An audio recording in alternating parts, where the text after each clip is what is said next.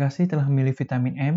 Kami senang banget bisa rilis episode pertama ini di bulan Oktober, bertepatan dengan Hari Kesehatan Mental, tanggal 10 Oktober lalu. Dan untuk momen istimewa seperti ini, kita akan bahas satu film yang klasik. Seklasik apa itu, Mas Gil? One Flew Over the Cuckoo's Nest.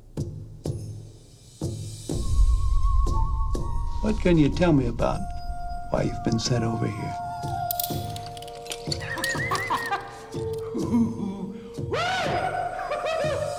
They think you've been faking it in order to get out of your work detail.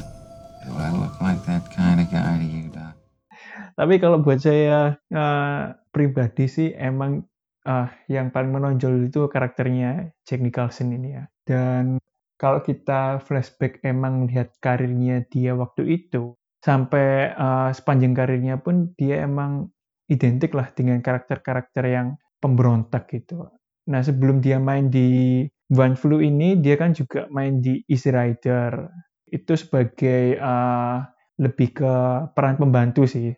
Kemudian juga dia main di Five Easy Pieces. Nah itu dia mulai dapat uh, peran utama dan mungkin ya gara-gara film itu juga dia bisa mendapatkan uh, peran utama di One Flu ini. Nah di dua film yang sebelum One Flu ini dia emang diceritain sebagai orang yang sebenarnya punya kesempatan untuk hidup mapan tapi milih untuk meninggalkannya. Nah di One Flu ini dia nggak lagi punya kesempatan yang sama karena ceritanya dia ini kan lagi terlibat masalah hukum. Nah, tapi tetap aja temanya itu dia jadi orang yang nggak mau tunduk sama sistem. Dan ini bukan perkara sistem hukum aja ya. Nah, sistem apa sih Mas Gili yang dia lawan di film ini? Uh, klasiknya anu sih Mas. Film kan biar menarik mesti ada setan, ada malaikatnya ya. Uh, tahanan kan kasusnya si Randall ini yang diperani sama Jack Nicholson tadi ya. Hmm untuk bisa keluar dari masalah-masalah tahanan, orang bisa entah berpura-pura, entah beneran gila jadi masuk rumah sakit jiwa. Nah, nanti film ini kan memang membahas dinamikanya di rumah sakit jiwa karena ya eh, tokoh utamanya memanfaatkan celah itu. Dan mungkin nanti juga sedikit menarik kita bahas Randallnya di sini yang seharusnya kelihatan jahat nanti kenapa nampak jadi lebih apa ya jadi jadi posisi malaikatnya gitu di sini yang jahat justru si nurse-nya nurse Ratchet-nya uh, mungkin kalau kita sampai lihat zaman sekarang aja kenapa One Flu ini begitu dikenang kalau kita misalnya uh, browsing di Google terus habis itu mencari film yang ada kaitannya dengan kesehatan mental, mungkin film ini bakal muncul di daftar tiga atau lima teratas gitu ya Mas ya. Nah, alasan kenapa film ini begitu dikenang karena uh, memang film ini berhasil bikin publik simpatik sama kondisi yang dialami orang dengan gangguan kesehatan mental. Tetapi memang dengan cara khas film populer ya, uh, memang harus ada pihak yang baik dan yang jahat. Nah, pihak jahat di sini diwakili oleh institusi rumah sakit sendiri, terutama karakter kepala perawat yang namanya Mildred Ratchet itu ya Mas ya. Nah, kalau uh, melihat karakter uh, Mildred Ratchet ini sendiri, bahkan dia itu termasuk lima tokoh paling jahat dalam sejarah film Amerika ya menurut uh, American Film Institute. Jadi emang bisa dibayangin betapa kuatnya ingatan publik dengan karakter yang satu ini gitu. Ini sebenarnya yang menarik kontradiksi gitu ya Mas ya. Uh, kita kan uh, bayangin mestinya seorang perawat itu yang mestinya memberikan perawatan gitu kan, mendengarkan keluhan pasiennya seperti apa. Tapi di film ini dibalik menjadi karakter yang antagonis gitu. Ini sih yang bikin menarik. Tapi nanti kita akan ulik lebih lanjut kenapa ada dinamika seperti ini. Tapi kira-kira kenapa mas? Kok bisa perawat yang harusnya ngerawat? Ya kan harusnya kan posisinya dia yang jadi malaikatnya gitu. Hmm, hmm. Tapi kok jadi serem ini? Betul betul. Nah ini terkait sama topik kita kali ini. Nah, jadi topik kita kali ini seputar pertanyaan apa sih perubahan yang telah terjadi dalam cara kita melihat dan merawat individu dengan gangguan kesehatan mental dibandingin 45 tahun ketika film ini dirilis gitu. Karena kita bisa mengatakan ada yang salah dengan perawat Ratchet karena kita mungkin pakai perspektif zaman sekarang. Nah, kita akan coba bandingkan uh, perspektif yang kita miliki sekarang dengan perspektif yang diyakini sama perawat, sama psikiater yang menangani orang dengan gangguan jiwa waktu itu. Nah, poin pertama kita adalah terkait dengan relasi antara pasien dengan profesional, Mas. Hmm. Gimana, Mas? Uh, kalau kita pakai kacamata masa kini, kita mungkin bisa bilang perawat Ratchet itu seseorang nggak profesional gitu kan ya. Hmm. Dia pakai otoritasnya sebagai perawat untuk memuaskan obsesinya soal disiplin dan keteraturan. Hmm. Karena memang ceritanya dia punya latar belakang sebagai perawat angkatan darat waktu Perang Dunia II. Nah, di film ini dia emang digambarkan nggak segan buat ngambil hak, terus menyalahgunakan tindakan medis untuk menghukum pasien agar situasi di rumah sakit ini tenang lagi gitu. Nah sebenarnya film ini adaptasi dari novel dengan judul yang sama, ditulis oleh Ken Kesey waktu tahun 50-an. Jadi uh, Ken Kesey ini sendiri memang terinspirasi toko Ratchet dari kepala perawat sungguhan. Dia ceritanya lagi sekolah di Stanford untuk penulisan kreatif, dia juga punya pekerjaan sampingan sebagai penjaga rumah sakit jiwa. Nah, meskipun kita emang perlu selalu ingat dramatisasi dalam cerita fiksi, dan Casey sendiri mengaku itu, tapi salah satu alasan kenapa Ratchet membawa konfliknya dengan McMurphy itu secara personal gitu ya. Hmm. Karena menurut dia, inilah cara terbaik untuk menangani orang dengan gangguan jiwa. Dan dia mewakili kepercayaan yang berkembang di dunia kesehatan waktu itu. Ya, itu masih yang perlu digarisbawahi ya. Ini settingnya novel dari novel. Novelnya sudah dari tahun 50-an dan filmnya juga dirilis di tahun 75 gitu. Jadi jelas ada banyak perbedaan dari dari filmnya kalau kita lihat kan juga memang setting lama kan. Ya mungkin jauh dari yang sekarang. Terus terus gimana Mas Yon? Nah, kalau kita berbicara tentang kesehatan mental di tahun 50-an ya ketika Ken Kesey menulis novel ini, kita bisa lihat bahwa orang dengan gangguan jiwa pada waktu itu memang diperlakukan seperti kriminal ketimbang orang sakit gitu. Nah, ketika kita melihat mereka sebagai orang yang pantas dihukum, layaknya kriminal, artinya akan ada hak-hak yang diambil dibandingkan warga biasa. Hmm. Dan yang terjadi adalah kita nggak lagi mendengarkan kebutuhan mereka. Hmm. Padahal orang sakit itu kan butuh didengarkan. Hmm. Selalu ada porsi di mana mereka itu sebenarnya lebih tahu apa yang terbaik untuk mereka sendiri dibandingkan siapa pun. Dan pada waktu itu, hak inilah yang diambil oleh otoritas. Karena menurut mereka, waktu itu ya orang dengan gangguan jiwa itu udah dianggap tidak bisa lagi mengendalikan kehidupan mereka, sehingga kendali akan hidup mereka itu diserahkan kepada otoritas yang di sini diwakili oleh tenaga kesehatan di rumah sakit jiwa. Iya, iya, iya. Ya, jadi gitu. Posisi udah di tahanan, ceritanya Randall tadi, pindah ke rumah sakit jiwa karena ya otoritas mengatakan seperti itu. Dia hanya juga pengen untuk pindah karena berbagai kejadian. Spoiler alert ya ini, karena awal ceritanya begitu. Nah, lucunya yang di dalam rumah sakit itu dalam film ini Mm-mm. ada sebagian besar teman-temannya Randall yang sesama pasien setelah ketemu itu tadi Mm-mm. justru masuk rumah sakit ini secara sukarela Mm. dan dia malah mereka apa sebetulnya bisa bisa dikeluarkan kapan saja kalau Kasion tadi bilang kan memang masuk rumah sakit karena posisi dipaksa sama otoritas kalau sama Iya, iya. posisi kasusnya Randall tadi. Tapi ada juga yang masuk di dalam eh, rumah sakit itu karena ya voluntary, sukarela masuk di situ dan mereka tetap tinggal di situ. Jadi yang emang menarik itu sebenarnya teman-temannya Randall ini mereka masuk dengan sukarela dan mereka juga bisa keluar kapan saja sebenarnya. Tetapi kenapa kok mereka memutuskan tetap tinggal di situ? Nah ini sekali lagi menggambarkan bahwa kekuasaan tenaga medis waktu itu memang terlalu besar. Jadi sekalinya se seorang masuk ke rumah sakit, mereka itu harus tunduk secara absolut sama orang yang merawatnya. Tetapi ketika cara yang seperti ini dipertahankan, yang terjadi adalah semakin lama mereka di sana, mereka semakin kehilangan kemampuannya untuk hidup mandiri.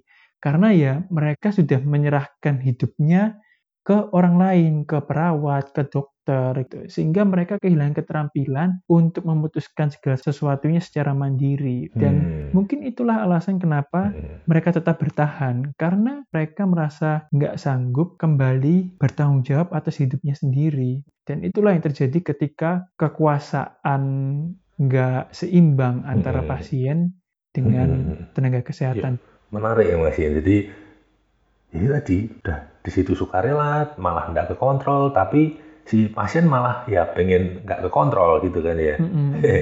ini ada mulai ya ini kan setting lama Mas ya. Mulai mulai ada ada perubahannya ini dari dari kapan Mas ya? Nah, perlahan itu ada perubahan itu ketika tahun 63. Sebenarnya sih nggak berselang lama setelah novel ini diterbitkan ya oleh Ken Kesey itu tadi. Nah, waktu oh, tahun 63, berarti, ya. Iya, iya, sorry, sorry. Berarti memang novel laris gitu ya, sampai bisa ada perubahan besar mungkin ya, mungkin ada pengaruhnya dari itu ya. Iya, tapi memang terlepas dari itu, waktu itu pemerintah memang uh, selama tahun 50-an itu memang sudah melakukan penelitian tersendiri untuk hmm. uh, mengetahui cara menangani orang dengan isu kesehatan mental yang terbaik itu seperti apa. Yeah, yeah. Dan buah dari penelitian itu dituangkan dalam undang-undang yang namanya Community Mental Health Act. Nah, hmm. singkat cerita ini uh, pemerintah hmm. ingin memindahkan anggaran negara yang sebelumnya untuk mendanai institusi besar seperti rumah sakit jiwa. Kemudian uh, dipindahkan untuk membangun fasilitas kesehatan mental yang ada di level komunitas. Makanya hmm. itu ada uh, ada kata-kata community mental health. Jadi yeah, yeah. lebih dekat dengan uh, pasien gitu, dengan lingkungan asal pasien. Iya, iya, iya, iya. Berarti pasien udah bisa milih ya berarti ya? Iya benar. Jadi emang ada pergeseran uh, paradigma gitu ya hmm. dalam cara dunia kesehatan melihat orang dengan gangguan psikologis waktu itu. Jadi dengan adanya undang-undang ini, uh, mereka itu mulai menyadari kalau pasien lebih baik ditempatkan sedekat mungkin dengan lingkungan asalnya, hmm. nggak lagi ditempatkan di satu tempat besar seperti rumah sakit jiwa gitu. Dan otomatis dampaknya adalah mulai sekarang pasien itu jadi punya kendali lebih besar buat menentukan nasibnya gitu. Hmm. Nah, perawatan yang lebih dekat dengan lingkungan asal pasien juga dimungkinkan karena waktu itu obat-obatan dan terapi psikologi semakin berkembang. Hmm. Ini membuat prosedur yang sebelumnya dianggap manjur menyembuhkan gangguan mental perlahan itu tersingkir. Nah, apa sebenarnya Mas Gilang prosedur yang kita maksud di sini? Ya itu sih yang yang paling kelihatan kalau yang dari film ini kan spoiler alert lagi ini Mas. Jadi posisinya di di apa namanya? di setrum hmm. yang pertama. Hmm. Terus yang di adegan akhir di akhirnya ya semacam di operasi gitu. Kita kalau di psikologi bilangnya elektrokonvulsif terapi untuk yang di setrum atau lobotomi yang operasi otaknya kalau yang sekarang memang masih masih masih dipakai mas yang dua itu. Nah, masuk ke poin kedua kita kan. Kalau poin pertama tadi kan tentang perubahan relasi antara pasien dengan orang yang merawat mereka. Hmm. Nah, poin kedua kita ini emang membahas hmm. apa sih yang udah berubah dari dua tindakan medis itu. Open your mouth. This will keep you from biting your tongue. Now just bite down on it. That's right. Just bite down. Huh? Now bite down on it. Are you ready? Here we go. Jadi yang pertama-tama sih yang kita perlu sadari, kita berdua nggak akan berbicara ECT, kita akan sebut electroconvulsive therapy itu dengan singkatannya aja ECT atau lobotomi secara teknis karena kita sendiri nggak punya kompetensi di bidang ini gitu. Jadi kita akan ngomongin soal informasi umumnya aja. Pertama, yang kita perlu tahu, perawat Richard di film ini itu sebenarnya udah menyalahgunakan dua tindakan medis ini sebagai alat untuk menghukum McMurphy gitu kan. Kemudian uh, dua tindakan medis ini punya latar belakang sama-sama mulai dikembangkan sejak tahun 30-an, tapi punya nasib yang berbeda. Yang pertama, kalau kita ngomongin lobotomi, lobotomi sekarang udah ada metode alternatif yang lebih presisi. Namanya lobektomi dan hmm. lebih diperuntukkan bagi penderita epilepsi. Jadi emang bisa dibilang hmm. Lobotomi itu bukan lagi opsi untuk menangani gangguan mental. Nah, sekarang yang soal ECT ini agak beda sih. ECT itu masih dipakai sampai sekarang, Cuma bedanya adalah ICT yang zaman sekarang itu kelompoknya lebih spesifik gitu. Jadi kita sudah semakin tahu ICT itu paling efektif buat gangguan yang seperti apa dan untuk individu yang seperti apa. Nah, waktu Community Mental Health Act itu diterbitkan, salah satu alasannya dan salah satu pemicunya adalah sudah ada obat-obatan dan terapi psikologis yang terbukti sama efektif atau lebih efektif. Hmm. Dampaknya adalah zaman sekarang ICT itu baru diberikan kalau treatment secara obat-obatan dan psikoterapi nggak memberikan perubahan. Hmm. Kalau berarti kalau yang yang di film itu ICT-nya kan di strum kan mas ya, hmm. itu memang kelihatan sebegitu menyakitkannya itu beneran mas atau ya ya didramatisir aja? Nah ini juga uh, eh, ICT ini semacam kayak jadi korban dari penggambaran negatif di budaya populer Mungkin kasusnya itu sama kayak ikan hiu itu korban sesungguhnya dari hmm. film Jaws. Wih, referensinya lawas-lawas sih.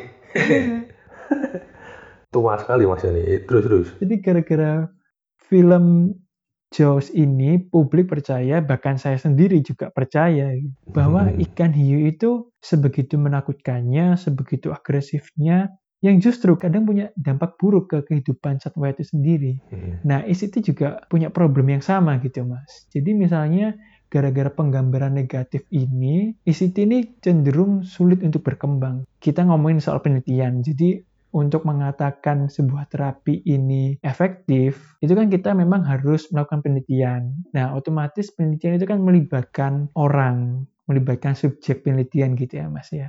Nah, gara-gara penggambaran negatif ini juga orang jadi mikir dua kali untuk terlibat dalam penelitian ICT ini. Juga mungkin ada kaitannya dengan pendanaan. Karena tahu ICT ini punya reputasi negatif di publik, ya cenderung yang mendanai penelitian itu mikir dua kali untuk mendanain. Iya, iya, Padahal iya. kenyataannya memang tidak seburuk itu. Yang jelas sih tidak seburuk itu.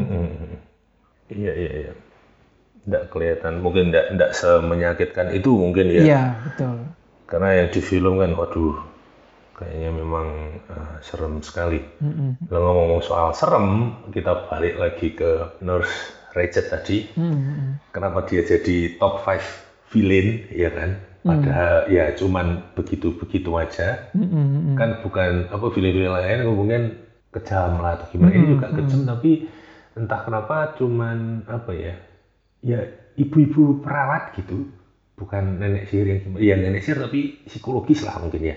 Dari iya iya.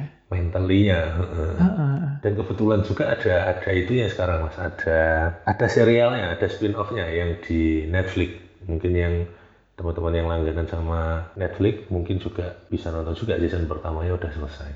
Masih udah lihat yang itu? Belum belum mas. Baru lihat trailernya. Ya, ya nanti mungkin ya kita bahas juga nanti lain kali di sini kalau udah ada sponsor lah dari Netflixnya ya. kalau, kalau sementara belum ya kita ngomongin yang One Flu nih aja. Menarik ya Mas ya, yang uh, yang Ratchet ini karakter yang sebenarnya di film ini punya potensi untuk bisa digali lebih lanjut gitu ya Mas ya. Hmm. Jadi kalau kita ngobrolin soal karakter yang satu ini, ya dia emang punya pengalaman militer gitu kan. Dan itu mungkin juga menjelaskan kenapa dia itu orang yang kaku gitu kan, yang harus disiplin, yang segala sesuatunya harus teratur. Bahkan untuk menangani orang dengan gangguan jiwa gitu, tapi dia menetapkan standar yang sama, prinsip yang sama juga, dan mungkin cara yang relatif sama juga ke orang-orang yang sebenarnya karakteristiknya mungkin berbeda jauh. Hmm.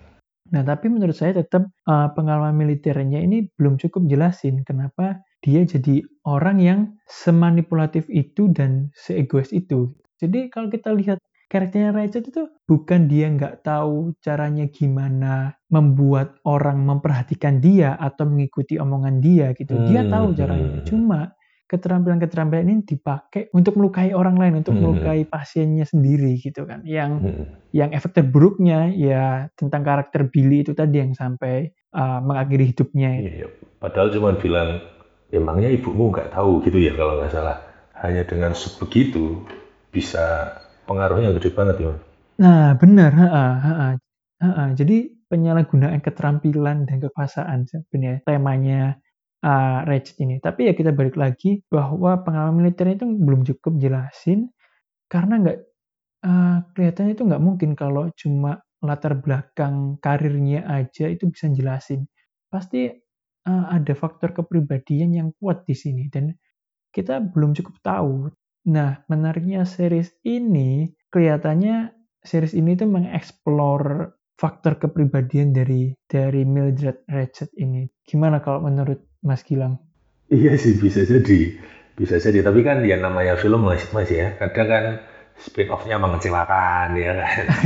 Dan wah kok begitu ceritanya dan seterusnya. Termasuk juga eh, saya sempat apa baca juga sebetulnya kalau lihat latar belakangnya Ratchet yang militeri, jadi dua tokoh yang di sini sebetulnya juga dari militer juga. Hmm. Kalau berdasarkan no- novelnya, Hmm. jadi Randallnya sendiri juga kalau nggak salah dari apa namanya veteran perang Korea, terus Chief yang orang Indian yang terakhir itu juga eh, veteran perang eh, perang dunia kedua yang 45. Jadi yang dituliskan di novel ternyata tidak tidak semuanya dituliskan di filmnya gitu.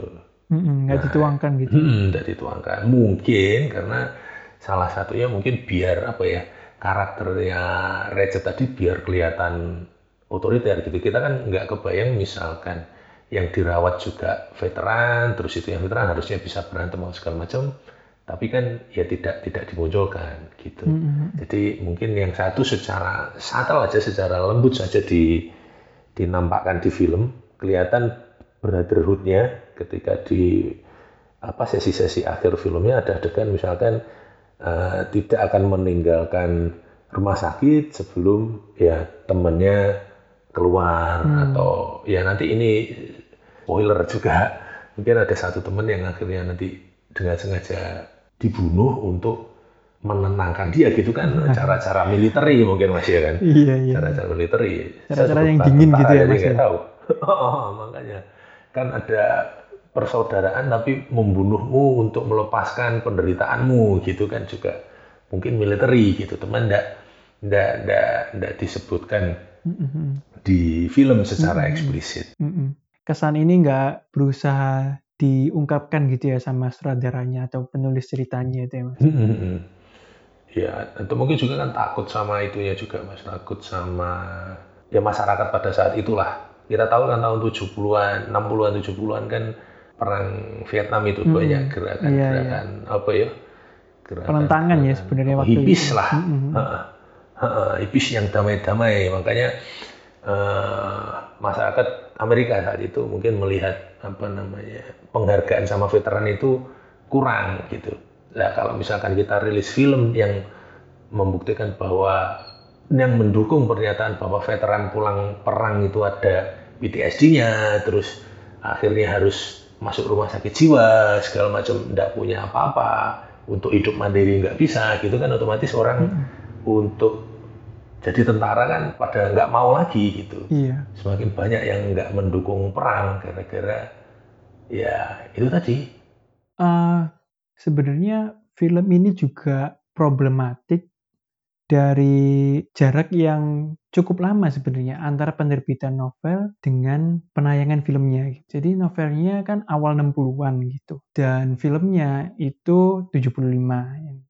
Yang menarik adalah mungkin poinnya Mas Gilang itu bisa jadi juga seperti Hmm. itu karena mungkin uh, publik Amerika melihat tentang uh, militer itu udah berbeda antara ketika tahun 50-an ketika Ken Kesey itu udah nulis novel itu dengan ketika film itu ditayangkan gitu. Jadi mungkin ya uh, dari sutradara, dari penulis cerita di film itu mungkin juga merasa mereka harus melakukan pengubahan dari novel itu sendiri untuk ya mengakomodasi cara pandang publik yang Hmm. berkembang saat itu. Saat itu gitu biar biar populer gitu ya, biar biar banyak yang nonton. Iya, termasuk tentang militer itu tadi.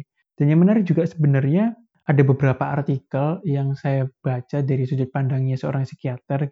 Dia sebenarnya nggak bilang uh, dia keberatan dengan film ini, tapi poin yang ingin dia sampaikan adalah film ini terlalu telat munculnya. Hmm. Karena kalau kita tahu sebenarnya kan tahun 63 itu sudah ada Community uh, Mental Health Act itu ya Mas ya. Nah sebenarnya waktu tahun 75 itu udah ada perubahan besar gitu. Udah ada perubahan besar Hmm. dalam cara dunia kesehatan itu melihat dan merawat orang dengan gangguan jiwa. Tapi gara-gara adanya film ini yang sebenarnya udah bisa dibilang sedikit kehilangan relevansinya. Tapi ya karena ditonton oleh publik secara luas, publik jadi masih punya anggapan bahwa tenaga kesehatan itu melihat orang dengan gangguan jiwa masih dengan cara yang seperti ini. Padahal kenyataannya waktu itu ya sudah ada pergeseran. Hey, wait a minute. What the heck is going on here? What are you doing on this boat? We're going fishing. No, you're not going fishing. Not on this boat. You're not going fishing on this boat. Oh, yeah, on this boat. Uh, ask Captain Block. Captain Block. Captain Block, yes, that's right. Who are you? Uh, we're from the uh, State Mental Institution. Uh, this is Dr. Cheswick, Dr. Tabor, Dr. Fredrickson, Dr. Scanlon, famous Dr. Scanlon. Rumah sakit jiwa yang ada di setting One Flu itu, itu dibangun dengan menggunakan Kirkbride plan, Mas. Jadi, Kirkbride itu, itu seorang dokter, tapi yang lebih penting, dia itu seorang visioner. Hmm. Jadi, Kirkbride itu dianggap sebagai salah satu orang pertama di Amerika yang bilang bahwa gangguan mental itu bisa disembuhin, sehingga harus ada perubahan besar dalam cara kita merawat pasien. Nah, kita ini kan lagi ngobrolin awal-awal 1800-an. Jadi Kirkbride ini mulai berkarir ketika awal 1800-an. Nah, waktu itu di Amerika Serikat, yang diyakini adalah kalau ada orang yang mengalami gangguan mental, masyarakat cenderung bilang bahwa orang itu kalau nggak sedang dirasuki setan, atau ya dia itu sudah melakukan sesuatu yang sangat buruk sehingga gangguan mental itu dilihat sebagai hukuman dari Tuhan. Jadi stigma negatifnya masih kuat banget. Dan ini berdampak pada bagaimana orang dengan gangguan jiwa diperlakukan. Mereka ini ditelantarkan, mereka ini dimasukkan penjara, atau dimasukkan ke tempat penampungan yang kondisinya nggak manusiawi. Hmm, mirip sama yang di Indonesia sekarang ya. Enggak juga ya sebetulnya. Makanya Hmm, ya itu tadi mas kaget saya ini kan ya ini eh, idenya Kitbait kan dia kerja tahun 1800-an sementara kita di sini yang udah ya 100 tahun berikutnya. Hmm, kan kita juga masih ada apa namanya ya orang gila karena ya mohon maaf misalkan karena imannya kurang kuat iya. kalah sama setannya apa dirasuki apa dan seterusnya. Dan ini sudah dibicarakan di Amerika di tahun 1800-an ya salah satu misinya stigmanya kita. Ini kan sebetulnya kesehatan mental itu apa ya sakit jiwa itu real gitu Iya. ya seril setan itu tadi seril, Iya. seril kerasukan itu tadi jadi jangan dilihat sebagai apa ya eh, sesuatu yang tidak ada gitu belum ada orang yang mentalnya sakit itu belum ada bukan hanya karena kerasukan gitu Iya. Nah, terus kalau kalau Greek break tadi gimana Mas Yan yang yang dulu Mm-mm. ketika idenya muncul itu Mm-mm. eh, gimana dia kok bisa bisa terjadi perubahan Iya. Yang Kirkbride sampaikan ke publik itu ya dia bilang bahwa gangguan mental itu bukan vonis umur hidup gitu. Makanya orang ini masih bisa disembuhkan. Nah sekarang kita tinggal mikir gimana cara menyembuhkan mereka. Hmm. Kalau menurut Kirkbride, ya asalkan pasien itu mendapatkan istirahat yang cukup, ya artinya pola hidupnya itu diatur gitulah. Hmm. Nah, sebenarnya peninggalan Kirkbride sendiri itu banyak banget, Mas. Tapi yang paling dikenang itu adalah panduan dia tentang bagaimana rumah sakit jiwa seharusnya dibangun. Dan ini Hmm. sebenarnya terkait dengan kenapa kok uh, uh, rumah sakit jiwa di Amerika Serikat waktu itu begitu banyak Hmm. dan kenapa punya karakteristik yang cenderung sama. Hmm. Karena ya mereka dibangun oleh panduan yang sama yang berasal dari idenya Kirkbride ini tadi. Dan kalau kita lihat pakai uh, kacamata zaman sekarang pun gitu. Idenya Kirkbride ini emang terhitung revolusioner sih, apalagi kalau di zamannya ya. Jadi dia ini seorang dokter kan ceritanya, tapi perhatian banget sama aspek arsitektur rumah sakit jiwa. Hmm. Jadi misalnya ya, salah satu uh, karakteristik bangunan rumah sakit jiwa yang pakai prinsipnya Kirkbride itu adalah bangunannya bangunannya itu bentuknya itu seperti V. Hmm. Jadi katakanlah kalau huruf V itu di pangkalnya itu adalah bagian tengah. Hmm. Terus ada sayap kanan dan sayap kirinya gitu kan. Hmm. Nah, bagian tengah itu kalau di bangunannya Kirkbride itu adalah kantor rumah sakit. Jadi termasuk pintu masuk dan pintu keluar ada di sana. Iya, iya. Nah, kemudian sayap-sayapnya itu dibagi berdasarkan jenis kelamin pasiennya. Jadi misalnya Hmm. sayap kanan untuk pasien wanita, terus sayap kiri untuk pasien pria. Nah, di setiap sayap ini dibagi lagi jadi empat blok. Pasien dengan kondisi yang paling berat taruh di blok yang paling jauh. Nanti kalau dia kondisinya semakin membaik, Hmm. dia akan ditempatin ke blok yang makin dekat dengan pintu keluar. Nah, artinya itu Kirkbride ingin membuat proses perawatan itu seperti perjalanan gitu. Hmm. Jadi semakin membaik kondisi pasien, semakin dekat dia dengan pemulihan yang disebutkan oleh pintu keluar. Ini sih detail yang dipikirkan oleh Kirkbride salah satunya. Terus juga harus dikelilingi sama pepohonan. Makanya rata-rata rumah sakit jiwa ini dibangun di daerah yang jauh dari kota. Hmm, iya, iya, iya, iya. Berarti memang ada anu ya, ada artinya, ada maknanya gitu ya. Semakin Iya, dekat heeh. ke ker- mengerucutnya V tadi, semakin dekat sama Mm-mm. Hmm. Semua hal sangat sama diperhatikan sama ya. Iya, iya, iya, iya. Kalau zaman zaman itu Mas, kalau ngelihat 1800-an itu di di di Indonesia emang juga ngaruh kali Mas ya? Nah, ini juga sebenarnya uh, efeknya berbeda, cuma sebenarnya ada kaitannya sedikit-sedikit lah, Mas.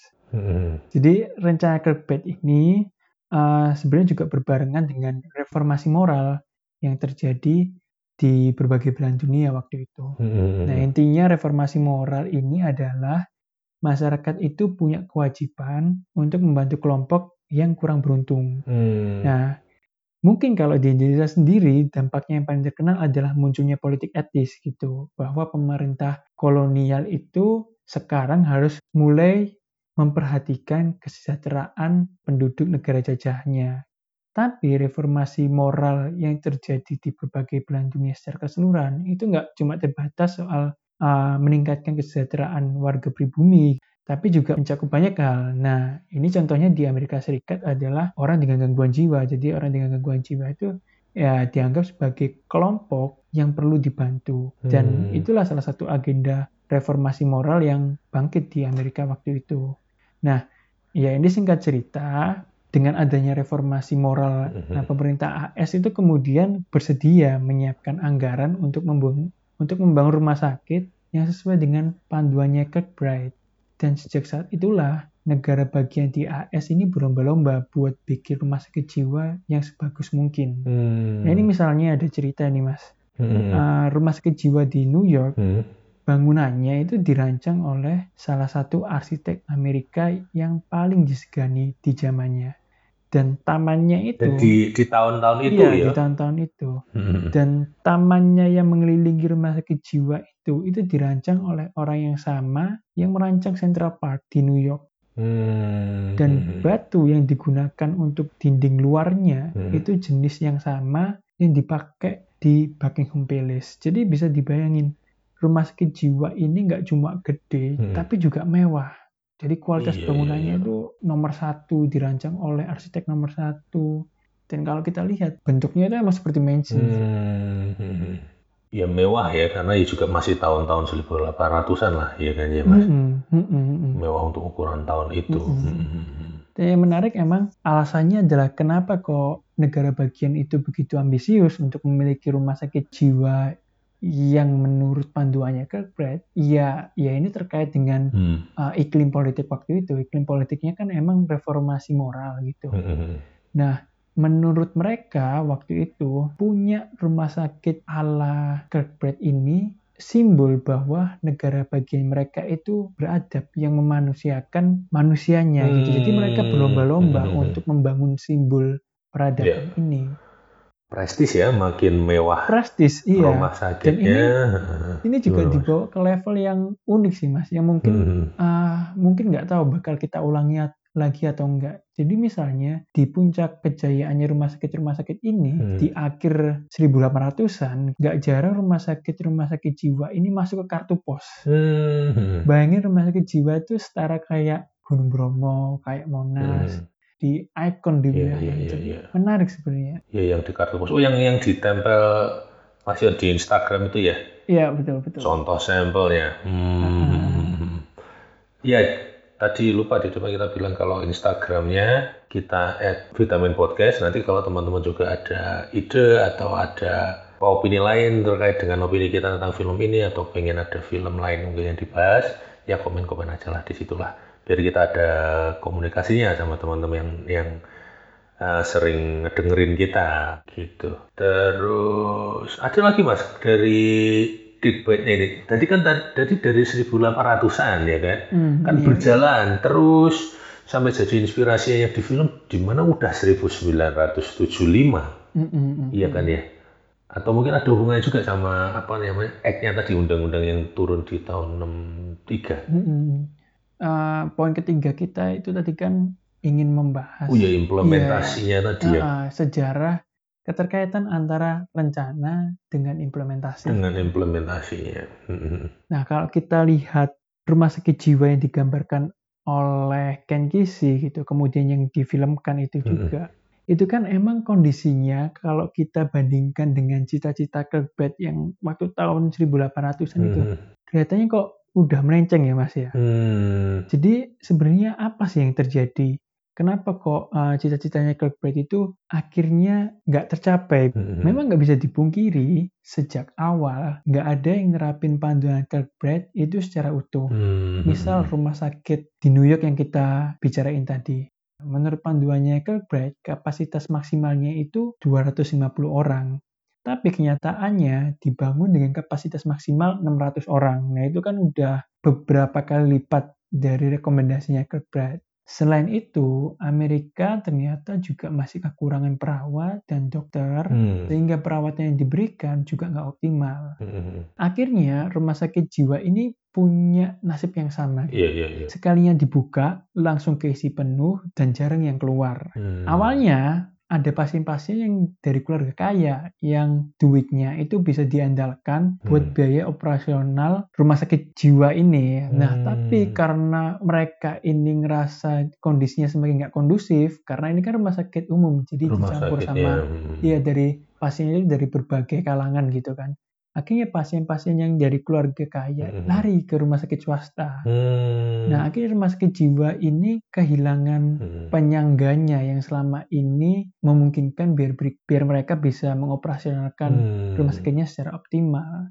Nah ketika uh, tahun 60-an pas novel When Flu ini terbit, Hmm. penderita schizofrenia di Amerika Serikat rata-rata tinggal selama 11 tahun di Wih. rumah sakit-rumah sakit ini. Iya, iya, iya. Padahal dulu Kirkbride berasumsi orang yang dirawat di sini bakal keluar nggak sampai setahun. Dan itu rata-rata mas ya, 11 tahunnya itu masih rata-rata. Rata-rata. Iya, iya, iya. Memang itulah yang berusaha ditampilkan oleh film One Flu ini. Bahwa sekalinya orang masuk ke sana, udah sulit untuk keluar. Chief. Chief, I can't take it no more. I gotta get out of here. I can't. I just can't. It's easier than you think, Chief. For you, maybe. You're a lot bigger than me. Why, Chief, you're about as big as a goddamn tree trunk. Ini balik lagi kita kan masih ngomongin sejarah keterkaitan antara rencana dan implementasi gitu ya. Iya, iya. Nah, hmm, sebenarnya periode Kirkbride itu uh, bisa dibilang sebagai periode institualisasi, Mas. Hmm. Jadi Kirkbride ini meskipun udah punya pandangan bahwa gangguan mental itu bisa disembuhkan, tapi model perawatan yang dia pakai emang masih sifatnya institualisasi. Artinya Hmm. perawatan itu secara eksklusif hanya dapat diberikan di rumah sakit jiwa. Jadi semua orang yang sakit harus dikumpulkan di satu bangunan. Hmm. Nah, dengan adanya undang-undang baru yang tahun 63 itu, model perawatan ini kan diubah. Tapi ya kenyataannya perubahan ini nggak serta-merta tanpa kekurangan. Hmm. Eh, faktanya adalah orang dengan gangguan jiwa di Amerika Serikat sekarang Hmm. berpeluang lebih besar dirawat di penjara daripada rumah sakit. Penjara, iya. Ya ini karena apa? Ya karena balik lagi rencananya yang awalnya itu ingin mendekatkan pelayanan kesehatan mental ke lingkungan asalnya pasien, Hmm. tapi sekali lagi karena minimnya investasi dari Hmm. pemerintah. Jadi ya pemerintah udah bikin undang-undang, tapi ternyata anggarannya nggak benar-benar dicurahkan untuk itu. Di samping juga ternyata klasik Hmm. lagi sih, ternyata ketersediaan tenaga kesehatannya masih belum bisa memenuhi kebutuhan masyarakat. Akhirnya balik Hmm. lagi perawatannya yang nggak optimal. Iya, iya, iya, iya. Iya, menarik sekali ya, Mas. Jadi sembuh di institusinya kemungkinannya lebih lebih kecil gitu ya. Mm-mm. Tapi sebenarnya kalau kita lihat juga uh, periode Kirkbride sampai munculnya undang-undang yang tahun 63 itu kan bisa disebut sebagai periode institualisasi. Hmm. Kalau sekarang kan udah beda Hmm. dengan adanya obat-obatan gitu. Ya artinya kan pasien nggak harus dikumpulkan di satu tempat. Ya kurang lebih kayak gitulah Hmm. perbedaan antara institualisasi dengan deinstitualisasi sekarang. Ya tapi di awal periode deinstitualisasi ini juga muncul perdebatan gimana cara terbaik merawat orang dengan gangguan mental. Hmm. Oke sekarang mereka udah hmm, berusaha didekatkan sedekat mungkin dengan komunitas asalnya. Tapi gimana cara terbaik buat merawat Hmm. mereka itu juga masih ada perdebatan. Nah perdebatan ini emang uh, memunculkan dua kubu gitu. Di satu sisi ada kubu recovery model yang percaya kalau orang Hmm. dengan gangguan mental yang parah sekalipun seperti skizofrenia, bipolar itu bisa pulih. Hmm. Sementara kubu satunya, medical model, percaya bahwa ada penyebab fisiologis di tiap gangguan mental. Sehingga mereka cenderung pesimis dengan peluang pemulihan pasien. Hmm. Nah, ini nih citra yang populer berkembang. Hmm. Tapi sebenarnya dua deskripsi barusan itu cenderung terlalu menyederhanakan sih masing-masing kubu. Dan Hmm. cenderung melihat bahwa dua kubu ini berseberangan. Padahal kan kalau kita lihat lebih dalam, ya nggak juga gitu. Hmm. Misalnya, yang dimaksud pulih di recovery model itu, pasien itu lebih diberdayakan. Artinya, sekali orang didiagnosis mengalami gangguan mental, nggak berarti kehidupannya berhenti. Hmm. Sehingga perawatan itu nggak cuma bertujuan biar penyakitnya hilang, Hmm. tapi juga melatih orang tersebut biar dia tetap bisa berinteraksi lagi dengan keluarga dan temannya, tetap bisa berkarya, meskipun punya kondisi medis yang perlu diperhatikan, berproses menuju Hmm. pemulihan. Dan ini kata kuncinya, Hmm. pulih itu orang yang tetap produktif dalam prosesnya menuju pemulihan yang total. Sementara medical model ini melihat pemulihan itu ya pemulihan yang total itu ketika kita nggak lagi ah, menunjukkan tanda-tanda bahwa kita mempunyai satu penyakit tertentu. Nah sebenarnya kalau ah, kalau dilihat dengan perspektif ini, medical model tidak menyanggah hal itu Hmm. dari adanya perdebatan ini dampaknya adalah perawatan nggak lagi satu arah Hmm. dari tenaga kesehatan ke pasien. Hmm. Kalau sekarang itu sifatnya lebih kolaborasi. Karena profesi apa pun yang menangani pasien itu perlu menyadari bahwa ada porsi tertentu di mana pasien itu lebih mengetahui apa yang terbaik untuknya. Hmm. Dan kolaborasi dengan pasien itu penting Hmm. ya untuk mengakomodasi uh, proses pemulihannya ini lagi ini tadi biar dia merasa berdaya itu gimana sih apa yang membuat dia itu merasa berdaya Hmm. dan yang paling tahu itu kan ya pasien, pasien kan ya. Mm-mm. tapi di satu sisi pasien juga harus menyadari bahwa dia punya batas pengetahuan pasien Hmm. membutuhkan tenaga profesional karena dia kan tidak bisa menyelesaikan masalahnya itu sendiri Mm-mm. jadi ada unsur kolaborasi saling menghargai batas pengetahuannya masing-masing iya, iya, iya. kolaborasi itu sebenarnya yang membedakan kita dari masa ketika One Flew Over the Cuckoo's Nest itu ditulis dan difilmkan.